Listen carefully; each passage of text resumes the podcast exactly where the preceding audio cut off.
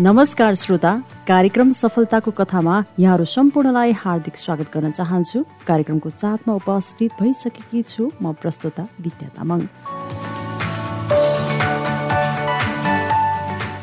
कार्यक्रम सफलताको कथामा हामी विभिन्न क्षेत्रमा निरन्तर आफ्नो लगनशीलता धैर्यता र परिश्रमलाई आत्मसात गर्दै आफ्नो पेसामा अनवरत रूपमा लागिरहनु भएका व्यक्तित्वसँग कुराकानी गर्छौँ। यो कार्यक्रम तपाईँले रेडियो क्यान्डिड बयानब्बे दशमलव सात मेगा हर्जमा हाम्रो website W W W dot radio candid dot कममा हाम्रो आधिकारिक फेसबुक पेजमा रेडियो क्यान्डिडको एप्स डाउनलोड गरेर र पोडकास्टमा समेत सुन्न सक्नुहुन्छ। तपाईँले हरेक हप्ता मङ्गलबार यसै समयमा कार्यक्रम सफलताको कथा सुन्न सक्नुहुन्छ। आज हामीसँग मुना घिमिरे श्रेष्ठ हुनुहुन्छ जो नेपालको पहिलो हेभी इक्विपमेन्ट अपरेटरका रूपमा पनि चिनिनुहुन्छ। हाल उहाँ सडक विभागको हेभी इक्विपमेन्ट डिभिजन बानेश्वरमा सिनियर अपरेटरका रूपमा कार्यरत हुनुहुन्छ। कार्यक्रममा म उहाँलाई स्वागत गर्न चाहन्छु। यहाँलाई कार्यक्रममा स्वागत छ। धन्यवाद। थोरै हजुर आफूबाटै आफ्नो परिचय दिनुहोस् न। नमस्कार। म मुना घिमिरे श्रेष्ठ। म आफ्नो नाम भन्दा पनि म नेपालको पहिलो महिला हेभी इक्विपमेन्ट अपरेटर भनेर चिनाउन चाहन्छु।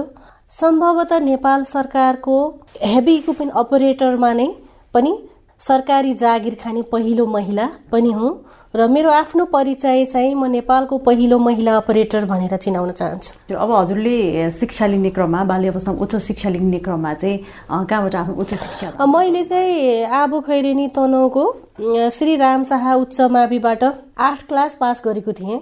र विविध कारणले मैले आफ्नो शैक्षिक योग्यतालाई थाँती राखेर छोड्नु पर्यो मेरो घरको विविध समस्याहरू।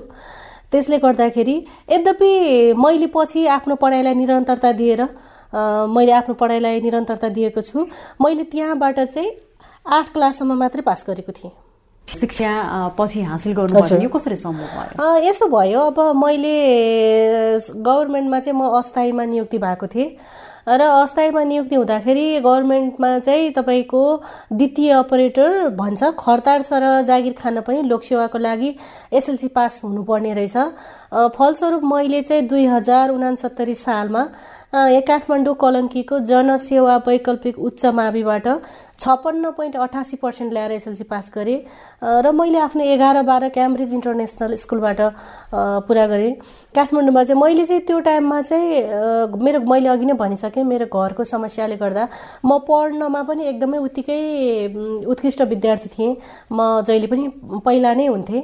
त्यसरी चाहिँ मैले यहाँबाट पढ्नुपर्ने रहेछ। सरकारी जागिर खान त नपढी नहुने रहेछ भनेर मैले चाहिँ पढ्न छोडेको पन्ध्र वर्षपछि एसएलसी पास गरेर आफ्नो पढाइलाई निरन्तरता दिएँ। अब त्यो पढाइलाई निरन्तरता दिने क्रममा चाहिँ त्यो चाहिँ वैवाहिक जीवन सुरु भएपछि चाहिँ भइसक्यो थियो। भइसक्यो भनेपछि हजुरले आफ्नो श्रीमानको साथ सहित पनि एकदम होइन मेरो पढ्ने कुरामा त मेरो मैले यो फिल्ड त मेरो बिहा गर्नुभन्दा अगाडि नै म प्रवेश गरेको थिएँ।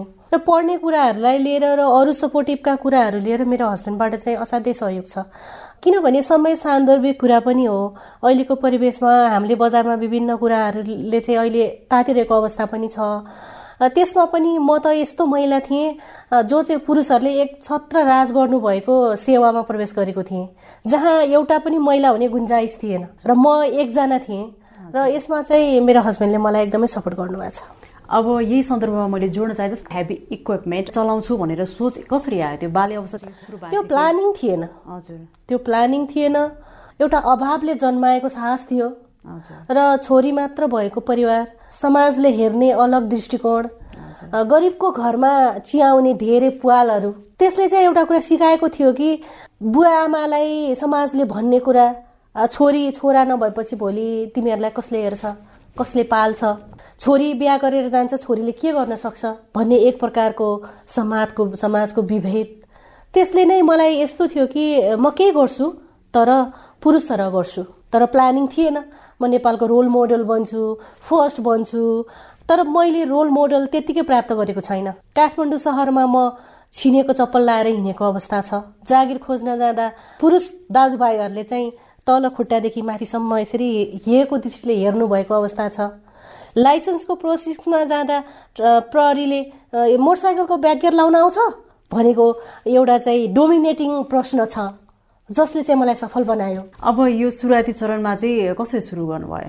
मैले चाहिँ मेरो घरको आर्थिक अवस्थाको कारणले पढ्न सकिनँ त्योभन्दा आठ क्लास भन्दा उता पढ्न सकिनँ। त्यसपछि म रोजगारीको सिलसिलामा नेपालगञ्ज पुगेँ जहाँ चाहिँ धेरै इक्विपमेन्टहरू थिए।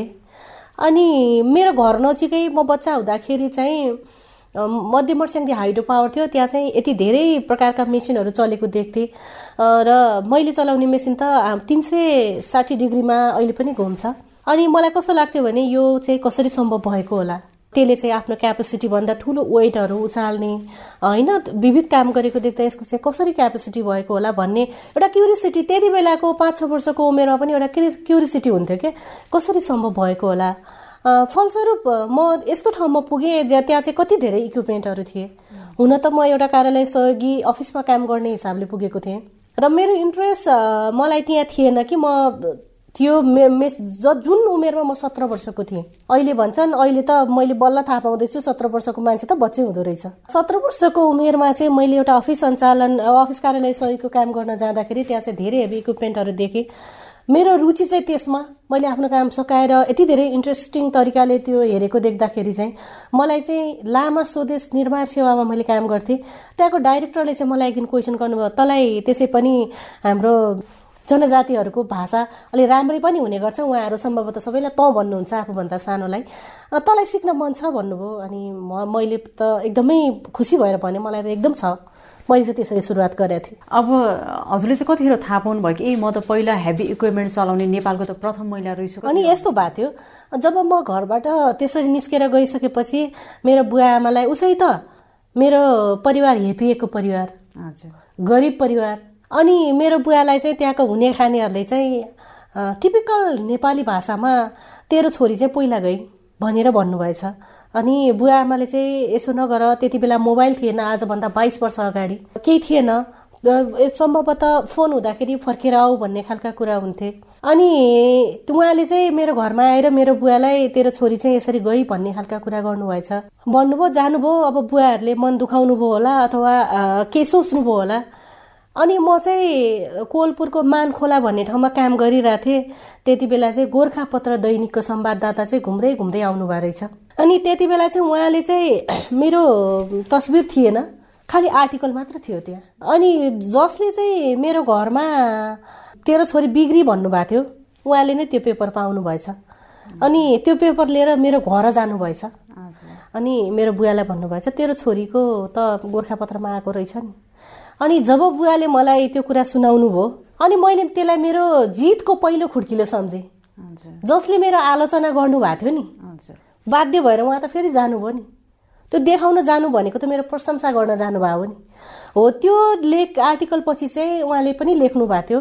सम्भवतः रिसर्च गरेरै लेख्नु भयो होला। सम्भवतः नेपालकै पहिलो महिला भनेर त्यति बेला चाहिँ मलाई थाहा भएको थियो। अब योभन्दा बाइस वर्ष अगाडि यो पेसामा नै नै बनाउँछु भनेर तपाईँलाई चाहिँ सोच कसरी आयो? तपाईँको सोचमा डिपेन्ड हुन्छ।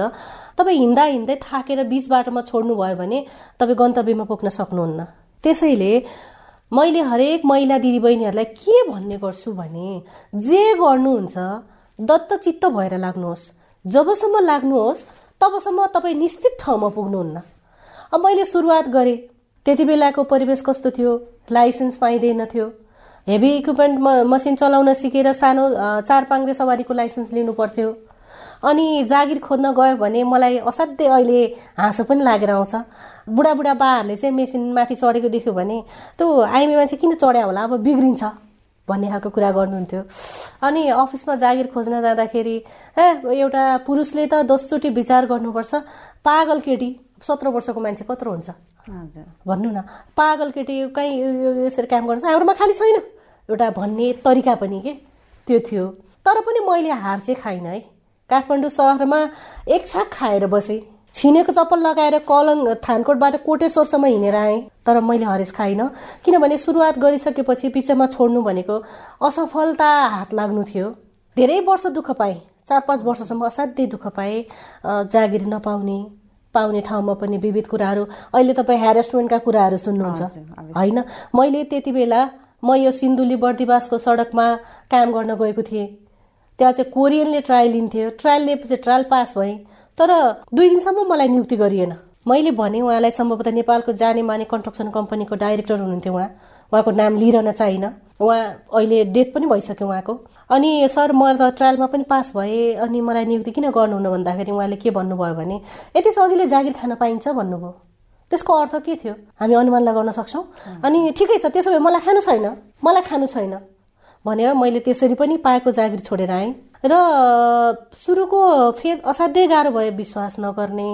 एभर इभन गभर्मेन्टमा प्रवेश गरिसकेपछि पनि गभर्मेन्टका दाजुभाइहरूले पनि तपाईँलाई यहाँ मसिन चलाउनु कसले दिन्छ? तपाईँ प्रशासनमा जागिर खानुहोस् कहाँ जागिर खानुहोस्? भन्ने खालका कुराहरू। तर पनि मैले यो कुराहरूलाई केही प्रवाह गरिनँ। किनभने भन्दै भनिन्छ नि भन्नेको कुरा सुन्यो भने त हामी केही गर्न सक्दैनौँ। त्यसैले सुरुको फेज असाध्यै गाह्रो भयो। त्यति अहिले त तपाईँ देख्न सक्नुहुन्छ इन्स्टिच्युटहरू छन् विभिन्न ट्रेनिङ गर्ने ठाउँ छ तर त्यति बेलाको जमानामा थिएन। हेरेसमेन्टका कुराहरू पनि हुन्थे नहुने होइन तर त्यसलाई चाहिँ आफूले कसरी फेस गर्ने भन्ने कुरा हो। र मैले चाहिँ जबसम्म म सफल भइनँ तबसम्म चाहिँ मैले ब्रेकै दिइनँ। भनेपछि निरन्तर दृढ भएर त्यसमा लागिरहनु भयो। एकदम। हजुर अब त्यो बेलामा जस्तै अघि हेरेसमेन्टको कुरा पनि भयो सँगसँगै पुरुष र महिलामा जुन एउटा भिन्नता थियो कतिको थियो त्यो एकदम थियो। एकदम थियो। तपाईँ अहिले पनि कस्तो छ भने नि विभेद नभएकै होइन होइन? विभेद छ तर कस्तो छ नि त्यही काम पुरुषले गर्यो भने पुरुषले गर्दाखेरि त्यो भएन भने त्यो नहुने नै रहेछ भन्ने खालको कुरा आउँछ। तर महिलाले गर्दाखेरि चाहिँ उसले सकेन कि? भन्ने प्रश्न चिन्ह खडा हुन्छ त्यहाँ। यो किन पनि यस्तो भएको भने सबै महिलाहरू चाहिँ यसमा चाहिँ म चाहिँ सक्सेस सक्सेसफुल हुन्छु है भनेर लाग्यो भने हुन्छ नि त तपाईँ एउटा ग्रुपमा तपाईँ दसजना चाहिँ एकदमै एक्सपर्ट छन्। पाँचजना अन एक्सपर्ट छन् भने त दसजनाले जित्छ नि। होइन? तर हाम्रो चाहिँ कस्तो छ भने पाँचजना एकदमै एक्सपर्ट हुनुहुन्छ। पन्ध्रजना ओन एक्सपर्ट हुनुहुन्छ। त्यसले गर्दाखेरि पनि प्रब्लम भएको हो। प्रब्लम भन्ने कुरा त मलाई चाहिँ कस्तो लाग्छ नि हरेक कुरामा रिक्स छ हरेक कुरामा प्रब्लम छ होइन? हरेक कुरालाई जित्नलाई मेहनत चाहिन्छ। त्यसैले त्यति बेला विभेद थियो प्रब्लम थियो अहिले धेरै परिवर्तन भइसकेको छ। त्यति बेलाको जमानामा जागिर नदिनेहरू अहिले मलाई नमस्ते गर्नुहुन्छ कि? भनेपछि त्यो त मेरो एउटा मेरो अथाह परिश्रमको फल हो नि त। मैले बिचमा विविध यस्ता कुराहरू थिए अनि भनौँ न हेरेसमेन्टका कुराहरू पनि आए। तर त्यो कुरालाई चाहिँ कसरी फेस गर्ने भन्ने कुरा हो। र बिच बाटोमा हिँड्दै गर्दाखेरि छोड्ने नगर्ने गाह्रो त गाह्रो छ तपाईँको। अब हामी अहिले म गभर्मेन्ट जागिरै भए पनि अब वैशाख जेठ भएपछि हामी आउट अफ भ्याली जानुपर्छ। कहिले रसुवा हाम्रो कार्यक्षेत्र कहाँ छ कहिले सिन्धुपाल्चोक कहिले कहाँ। अब तिन चार महिनासम्म हामी आफ्नो परिवारसँग भेट्न पाउँदैनौँ। दिनरात नभनिकन बाटो ब्लक भइरहेको हुन्छ बाटो खोल्नुपर्ने हुन्छ। त्यही अनुसार हाम्रो यता रसुवामा पनि चाइनासँग नाका जोडिएको छ।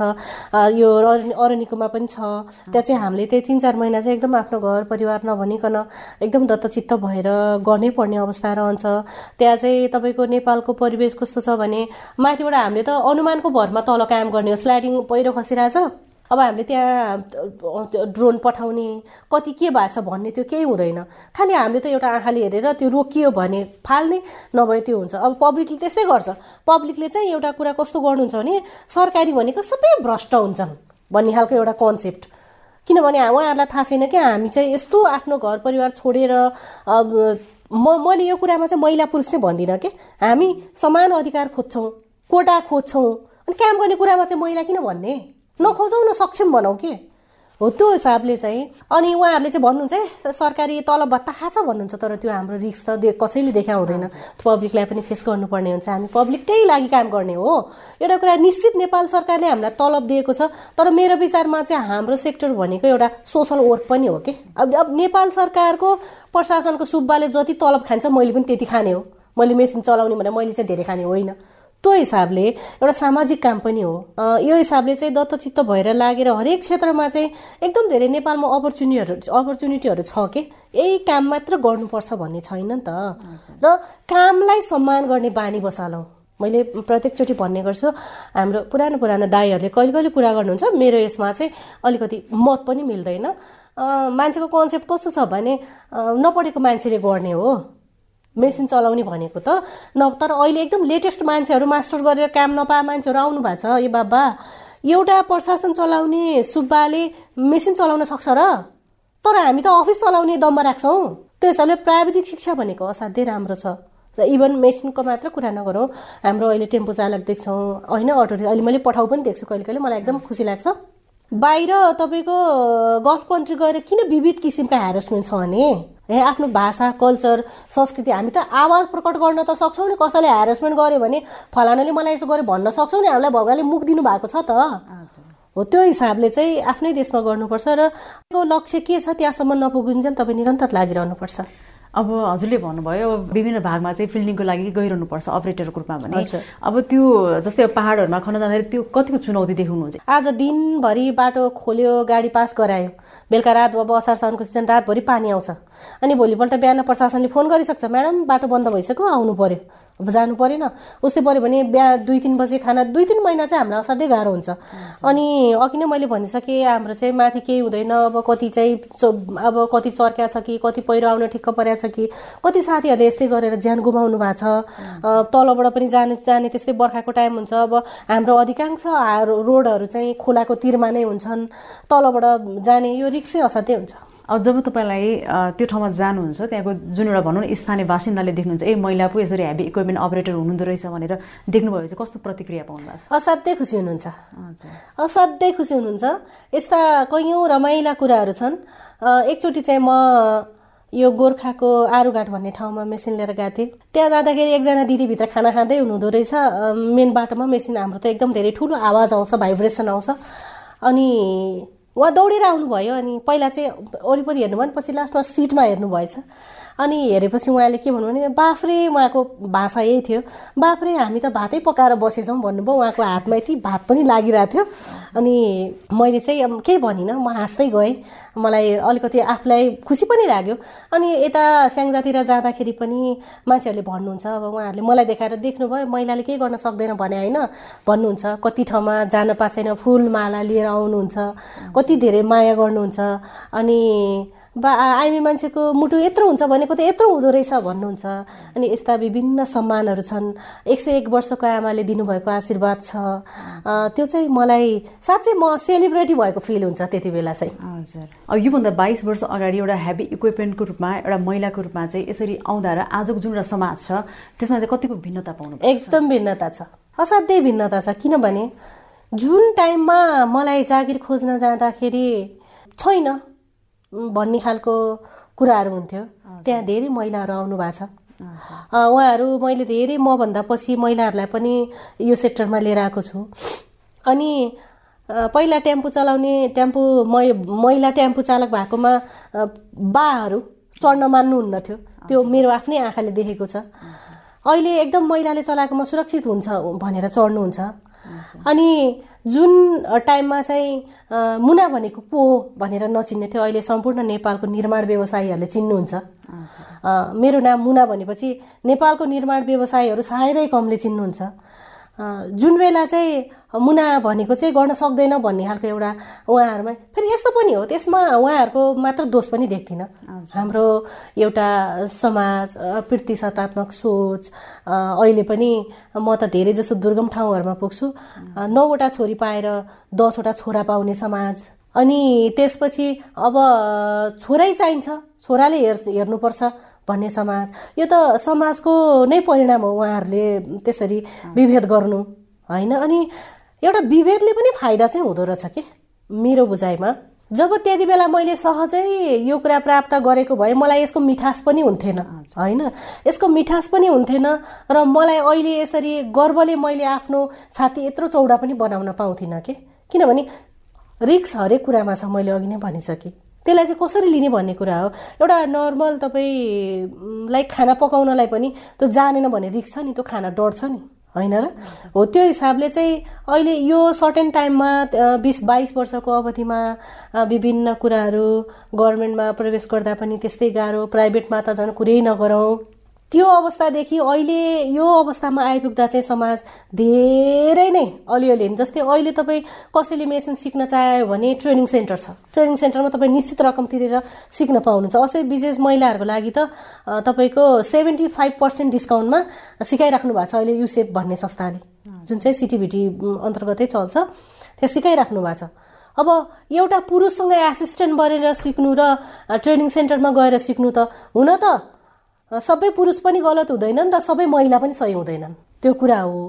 किनभने हामीले चाहिँ पुरुष चाहिँ यो प्राणी नै होइन। जस्तो गरेर बोल्नु पनि मलाई चाहिँ उचित लाग्दैन। तपाईँ पुरुष नभए समाज कसरी चल्छ? अनि महिला नभए कसरी चल्छ त नि? त्यो हिसाबले। अब पहिला त महिला आफै चाहिँ सक्षम हुनु पर्यो। आफै आफैले पनि बुझ्नु पऱ्यो ह्यारेसमेन्ट भनेको के हो? होइन त्यो कुरालाई बुझ्नु पर्यो। अर्को कुरा अहिले भनेको यत्रो ट्रेनिङ सेन्टरहरू खुल्या छ विभिन्न ठाउँमा मान्छेले सिक्न पाउनु भएको छ त्यहाँ महिलाहरू नै इन्स्ट्रक्चर हुनुहुन्छ सिकाउने। तर त्यति बेला त्यो थिएन। त्यो त्यति बेला चाहिँ एक त सिक्न प्रब्लम अर्को कुरा जागिर पाउन प्रब्लम अर्को कुरा लाइसेन्स लिन प्रब्लम अनि मैले चाहिँ पछि म अपरेटर बनिसकेपछि चाहिँ नेपाल हेभी इक्विपमेन्ट अपरेटर सङ्घको महासचिव थिएँ म। त्यति बेला चाहिँ मैले अब चाहिँ मान्छेले जे चलाउन जानेको छ त्यसको लाइसेन्स पाउनुपर्छ भनेर अहिले चाहिँ हामीले जसले जे चलाउन जाने छ त्यो लाइसेन्स पाउने प्रावधान मिलाएको छ। ट्रायल दिनु पऱ्यो पास हुनु पऱ्यो तर हाम्रो पालोमा जस्तो डोजर सिकेर चार पाङ्रेको लाइसेन्स लिएर त्यसको दुई वर्षपछि हेभी लिने प्रावधान छैन। त्यसैले यो पनि हामीले सुधार गरेका छौँ। अब हजुरले भन्नुभयो जीवनमा सङ्घर्ष गर्नुपर्छ भने एउटा जीवनमा सफल हुनको लागि चाहिँ के चाहिने रहेछ? आफ्नो बुझाइमा के यसो जीवनमा सफल हुनलाई चाहिँ एकदमै धैर्यता चाहियो। त्यसैले पहिला त आफ्नो आत्माबाटै आउनु पर्यो। म यो गर्छु। म जसरी पनि गर्छु भन्यो भने नहुने र असम्भव भन्ने केही पनि रहेन रहेछ। यो चाहिँ मेरो बाइस वर्षको अनुभवले मलाई सिकाएको पाठ हो। र अर्को कुरा यसमा चाहिँ फ्यामिलीको सपोर्ट पनि हुन जरुरी छ। किनभने बाहिर फिल्डमा हिँड्ने कुरा हो कहिले के हुन्छ कहिले राति होला कहिले के होला। अब घरबाट तनाव भयो भने मान्छे तनावमा त मान्छेले काम गर्न सक्दैन नि। जति फ्री भयो त्यति मान्छेले काम गर्न सक्ने हो। र समाजले पनि सपोर्ट गर्नुपर्छ। अनम्यारिड हुनुहुन्छ भने आफ्नो बुवा मुवा फ्यामिलीले म्यारिड हुनुहुन्छ भने हस्बेन्डले। अब तपाईँलाई यो कुरा चाहिँ मैले भन्नै पर्ने हुन्छ। कतिपय चाहिँ कस्तो हुनुहुन्छ? भने राम्री श्रीमती हुनुहुन्छ? मेरो श्रीमतीले जागिर खाँदैन भन्नुहुन्छ कि? राम्रो चिज त मार्केटमा प्रोभाइड गर्ने हो कि? अर्काले राम्रो भनौँ न। लुकाएर राखेको चिजको के महत्त्व हुन्छ र?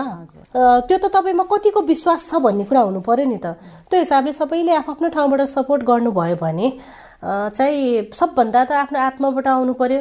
अर्को कुरा निरन्तर लागिराख्नु पर्यो। र फ्यामिलीले सपोर्ट चाहिँ गर्नु पर्यो। हजुर।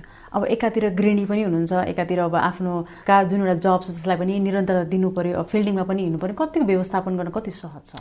म मेरो व्यवस्थापन राम्रै भएको छ। किनभने बच्चा सानो हुँदा त भयो मेरो होइन? अहिले त ठुल्ठुला भइसकेँ। मैले त्यही अनुसार गरेको छु र मेरो हस्बेन्डको एकदमै सपोर्ट छ। त्यो हिसाबले अब अहिले गभर्मेन्टमा चाहिँ मलाई अलिक सजिलो छ किनभने गभर्मेन्टमा एकदम तिन चार महिना मात्रै बाहिर आउट अफ भ्याली हुनुपर्ने हो। अरू टाइम म यहीँ दस पाँच ड्युटी हुन्छ। तर काम त पर्छ पढ्दाखेरि जानुपर्छ। तर विशेष गरेर चाहिँ हामी बर्खायामको लागि चाहिँ एकदमै तम तयार भएर बस्नुपर्ने अवस्था हुन्छ। त्यसैले मैले चाहिँ जे म्यानेजमेन्ट चाहिँ राम्रैसँग मिलाएको छु। अब जुन एउटा आफ्नो विगतमा सुरुवाती चरणमा र आजकोमा आफूले आफूलाई नै हेर्दाखेरि नै कस्तो फरक पाउनु भयो अब यस्तो हो मान्छेको जीवन भन्ने कुरा नै यो दुःख सुखको मिश्रण त हो नै। तर मैले अघि नै यत्रो कुराहरू गरिसकेँ सुरुको पिरियडमा गाह्रो अनि पैसा नभएर खाना नखाएको अवस्था चप्पल नलगाएको अवस्था जागिर माग्न जाँदा जागिर नपाएको अवस्था तर अहिले गर्वले म नेपाल सरकारको कर्मचारी भनेर सबै ठाउँमा एउटा इज्जत पाएको अवस्था।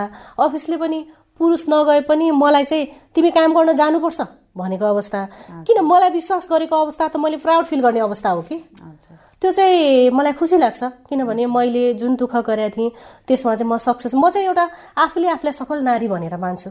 किनभने मेरो अहिले चाहिँ म सफल भएको नै मान्छु। अब अन्त्यमा मैले प्रश्न राख्न चाहेँ जस्तै लाखौँ व्यक्तिले हामीलाई सुनिरहनु पनि भएको छ।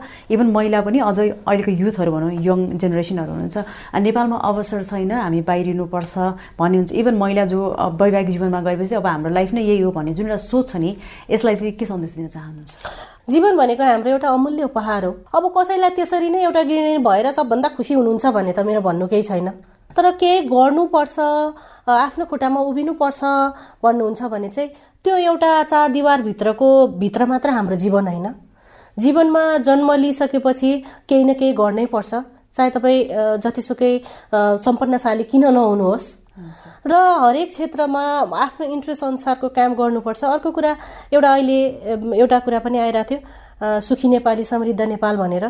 यसमा पनि महिला र पुरुषको बराबर हक अधिकार बराबर भएपछि इन्कमको हिसाबले पनि बराबर गरेदेखि पुरुष दाजुभाइहरूले पनि एउटा कुरा के बुझ्न जरुरी छ भने तपाईँ महिनामा तिस हजार कमाउनुहुन्छ तपाईँको वाइफले बिस हजार कमाउनु भयो भने पचास हजार हुन्छ। होइन? जब मैले सुरुमै भनिसकेँ जति नै हामीले दार्शनिक कुरा गरे पनि लास्टमा आएर आर्थिक पाटोमा नै जोडिरहेका हुन्छन् हाम्रा हरेक कुराहरू। त्यो हिसाबले जुन काम गर्ने हो सपोर्ट गर्नुहोस् र महिलाहरूलाई पनि मैले अघि नै भने जो घरभित्र एकदमै खुसी हुनुहुन्छ जीवन भनेको जीवन एउटा खुसी नै सबैभन्दा ठुलो कुरा रहेछ कि? किनभने मैले मेसिन चलाउँछु मैले म चाहिँ एउटा त्यो भिडमा गएर पहिरो फालिराख्दाखेरि म त्यसलाई नै आनन्द मानिरहेको हुन्छु कि? जीवन भनेको एउटा आनन्द एकदमै जुन समयमा पनि आनन्द लिन सक्यो भने नै जीवनको सार्थकता हुने रहेछ। त्यसैले तपाईँ त्यही घरभित्रै हुनुहुन्छ भने त त्यो तपाईँको कुरा हो। होइन अब म केही गर्न चाहन्छु भन्ने हो भने चाहिँ गर्नुहोस्। पछाडि नपर्नुहोस्। हामी महिला पनि सचेत बनाऊ सभ्य बनाऊ आफ्नो राइट्स के हो? आफ्नो राइट्स आफै खोजौँ तर आफ्नो राइट्स खोज्ने कुरामा अरूलाई पनि असर नपुर्याऊ। व्यस्तताका बावजुद पनि कार्यक्रममा आएर आफ्ना जीवनका आरोह अवरोहहरूलाई हामी समक्ष प्रस्तुत गरिदिनु भए यहाँलाई हृदयदेखि आभार प्रकट गर्न चाहन्छौँ। श्रोता आजको कार्यक्रममा हामीले heavy equipment operator Muna Ghimire श्रेष्ठसँग कुराकानी गर्यौँ। तपाईँलाई आजको कार्यक्रम मन पर्यो होला यसले पक्कै पनि तपाईँ सम्पूर्णलाई प्रेरणा दियो होला भन्दै कार्यक्रमको साथबाट म प्रस्तुता विद्या तामाङ पनि बिदा हुन्छु। नमस्कार।